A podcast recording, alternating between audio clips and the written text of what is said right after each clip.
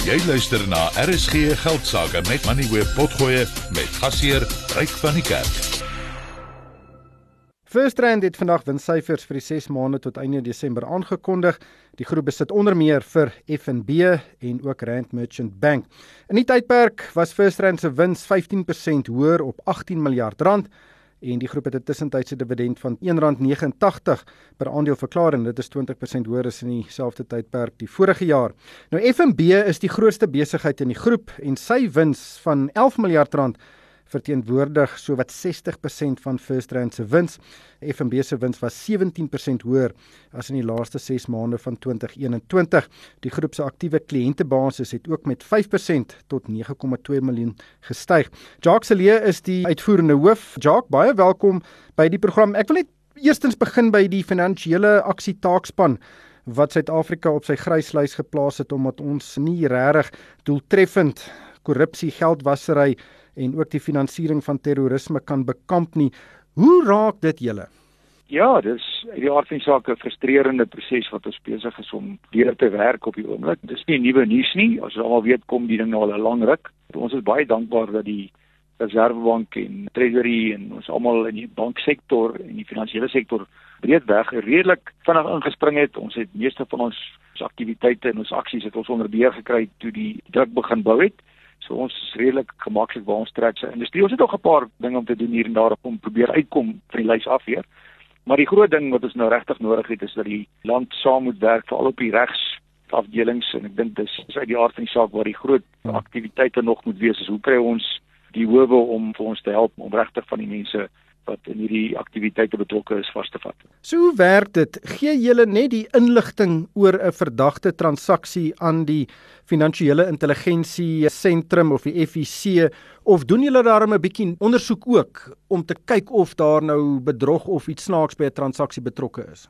Hier ons doen verskriklik baie werk op transaksies en kyk wat aangenaam is vir ons as 'n organisasie, jy weet, soos wat die luisteraars nou luister, een van die grootste dinge wat ons probeer regkry as finansiële sektor is dat ons is die vertroue bou in die publiek dat wanneer jy in die finansiële sektor betrokke is, dat ons jou beskerm as 'n kliënt, dat wanneer daar iemand is wat probeer geld steel of probeer in verkeerde aktiwiteite betrokke is, dat ons jou kan waarsku want ons dink ons is baie bevoorreg om sit 'n kliëntebasis wat verskriklik goed bedoel nou die aard van die saak maak nie saak wat jy is of jy 'n kerk is of jy nou 'n bank is of jy 'n prokureursfirma is of 'n auditeursfirma is of 'n boer is. Die aard van die saak weet ons dat daar's baie mense wat nie die eerlike pad wil stap met besigheid en transaksies en goed. En dis wat hierdie taak so lekker maak is dat hoe beter ons is om ons transaksies te verstaan en kliënte te, te beskerm, hoe meer vertroue is daar in die finansiële sektor. So ons sien hierdie is as frustrasies nie. Soos jy sê, ons spandeer verskriklik baie geld en menshulpbronne om seker te maak ons het genoeg tegnologie en ook die kundigheid om daai transaksies mooi te monitor en dan rapporteer ons dit aan die owerhede dan is die bal uit ons hand uit en dan moet die owerhede nou verder gaan daarmee. Hoe ryker ons daai inligting kan maak, hoe makliker is hulle om besluite te neem. So ons werk hand in hand met hulle saam en hulle doen hulle kant, ons doen ons kant en dan uit die aard van die saak, dan raak dit naderhand 'n saak wat hof toe moet gaan. Maar hulle bring nie hulle kant nie. Ek dink dis juist die punt. Ons help nie ons het hierdie absolute uitstekende bankstelsel, die transaksies word opgetel, maar dit lei nie tot uh, vervolging nie. Ja, so ek dink dis wat ek probeer sê is ons het ook nog steeds werk. Ek bedoel niemand ons is perfek nie, so ons het ook nog goed wat ons moet verbeter. Maar sodra daai besluite dan geneem word of kom ons gaan nou hof toe en kom ons gaan nou sien hoe die vervolgingsprosesse, dis waar ons natuurlik nie kan help nie. So daai prosesse is wat ons weet ons land nou regtig voorsoek en dis wat die wêreld voorsoek om seker te maak dat daai vervolgings vertrou kan word. Maar die ander gevolg van hierdie gryslys is dat daar meer administrasie betrokke is om buitelandse transaksies te doen.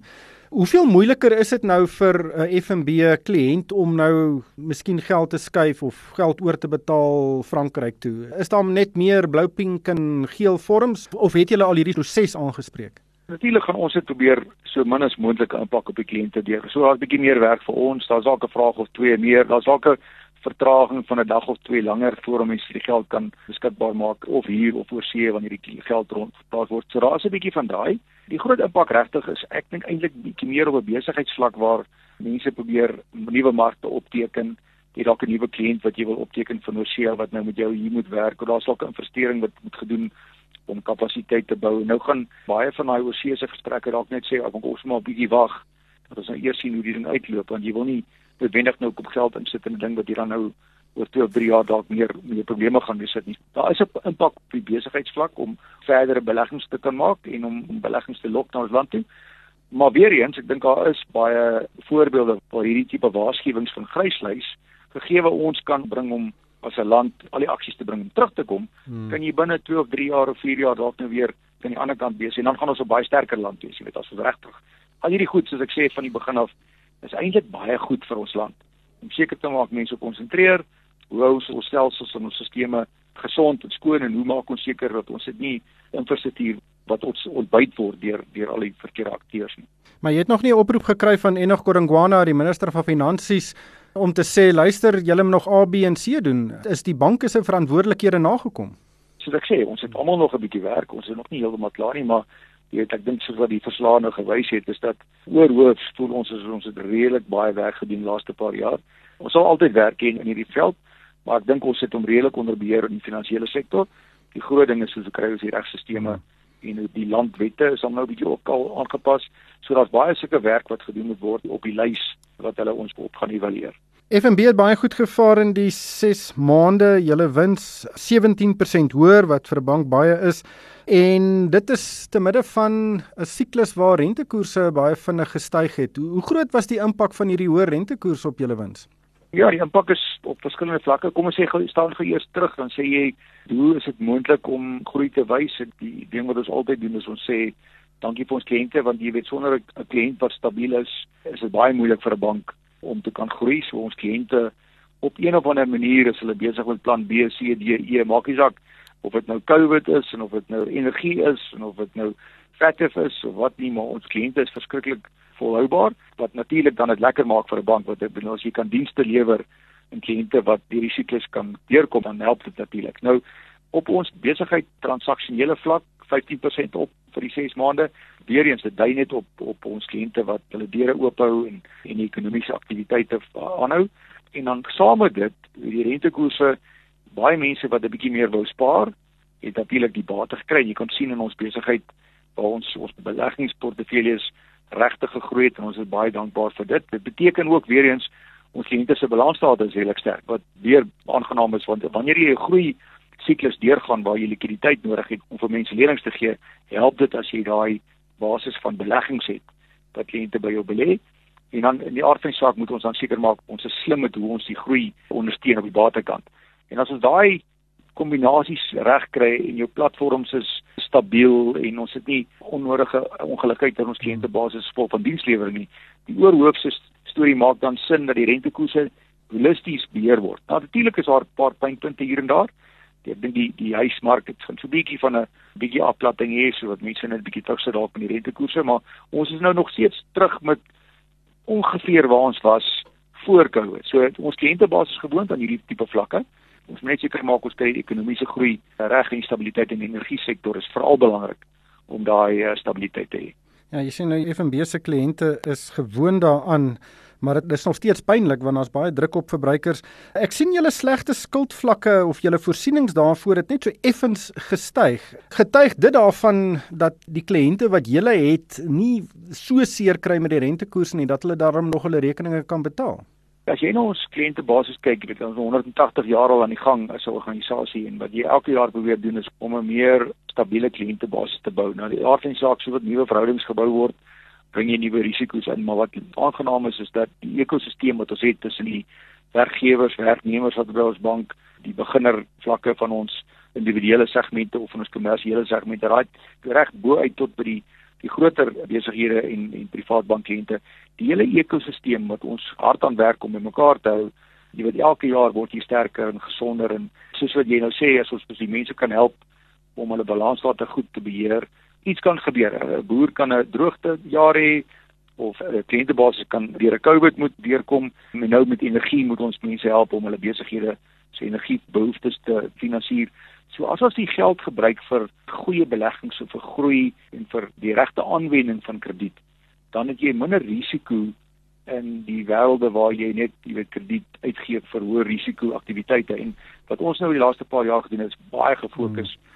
op die goeie risiko en die medium risiko en probeer ons geld aanwend vir huise koop en karre koop en wat nie net geld gebruik en sommer net gaan spandeer ja. nie. So daai storielyn, die advies wat ons kliënte gee of kliënte wat ons platforms gebruik om beter beheer te hê oor hulle geld, hierdie nerve money produkte wat ons jou help om meer jou geld beter te beheer. Dis tipies wat ons glo dat in die langtermyn uitspeel op jou kliëntebasis wat baie meer stabiel en lewensvatbaar is. Jy het nou verwys na die finansiering van sonkragstelsels. Finansier jy baie van hierdie stelsels?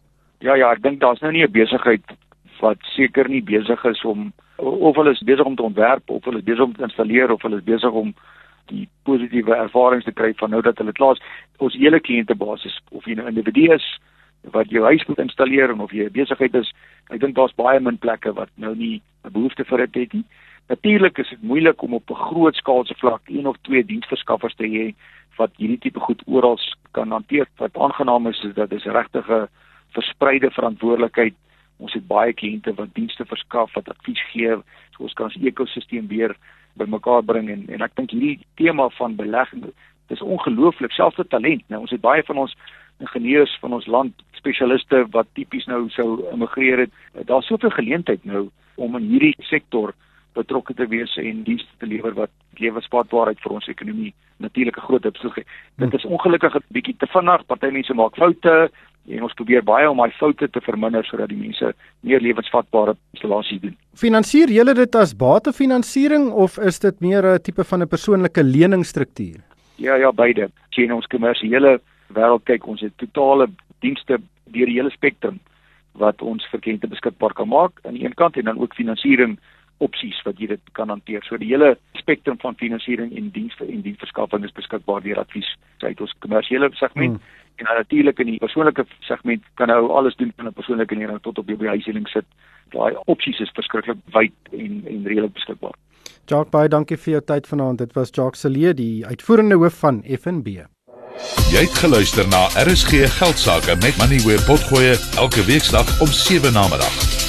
Vir meer Moneyweb potgoe, besoek moneyweb.co.za of laai die toepassing af en volg Moneyweb News om dagliks op hoogte te bly.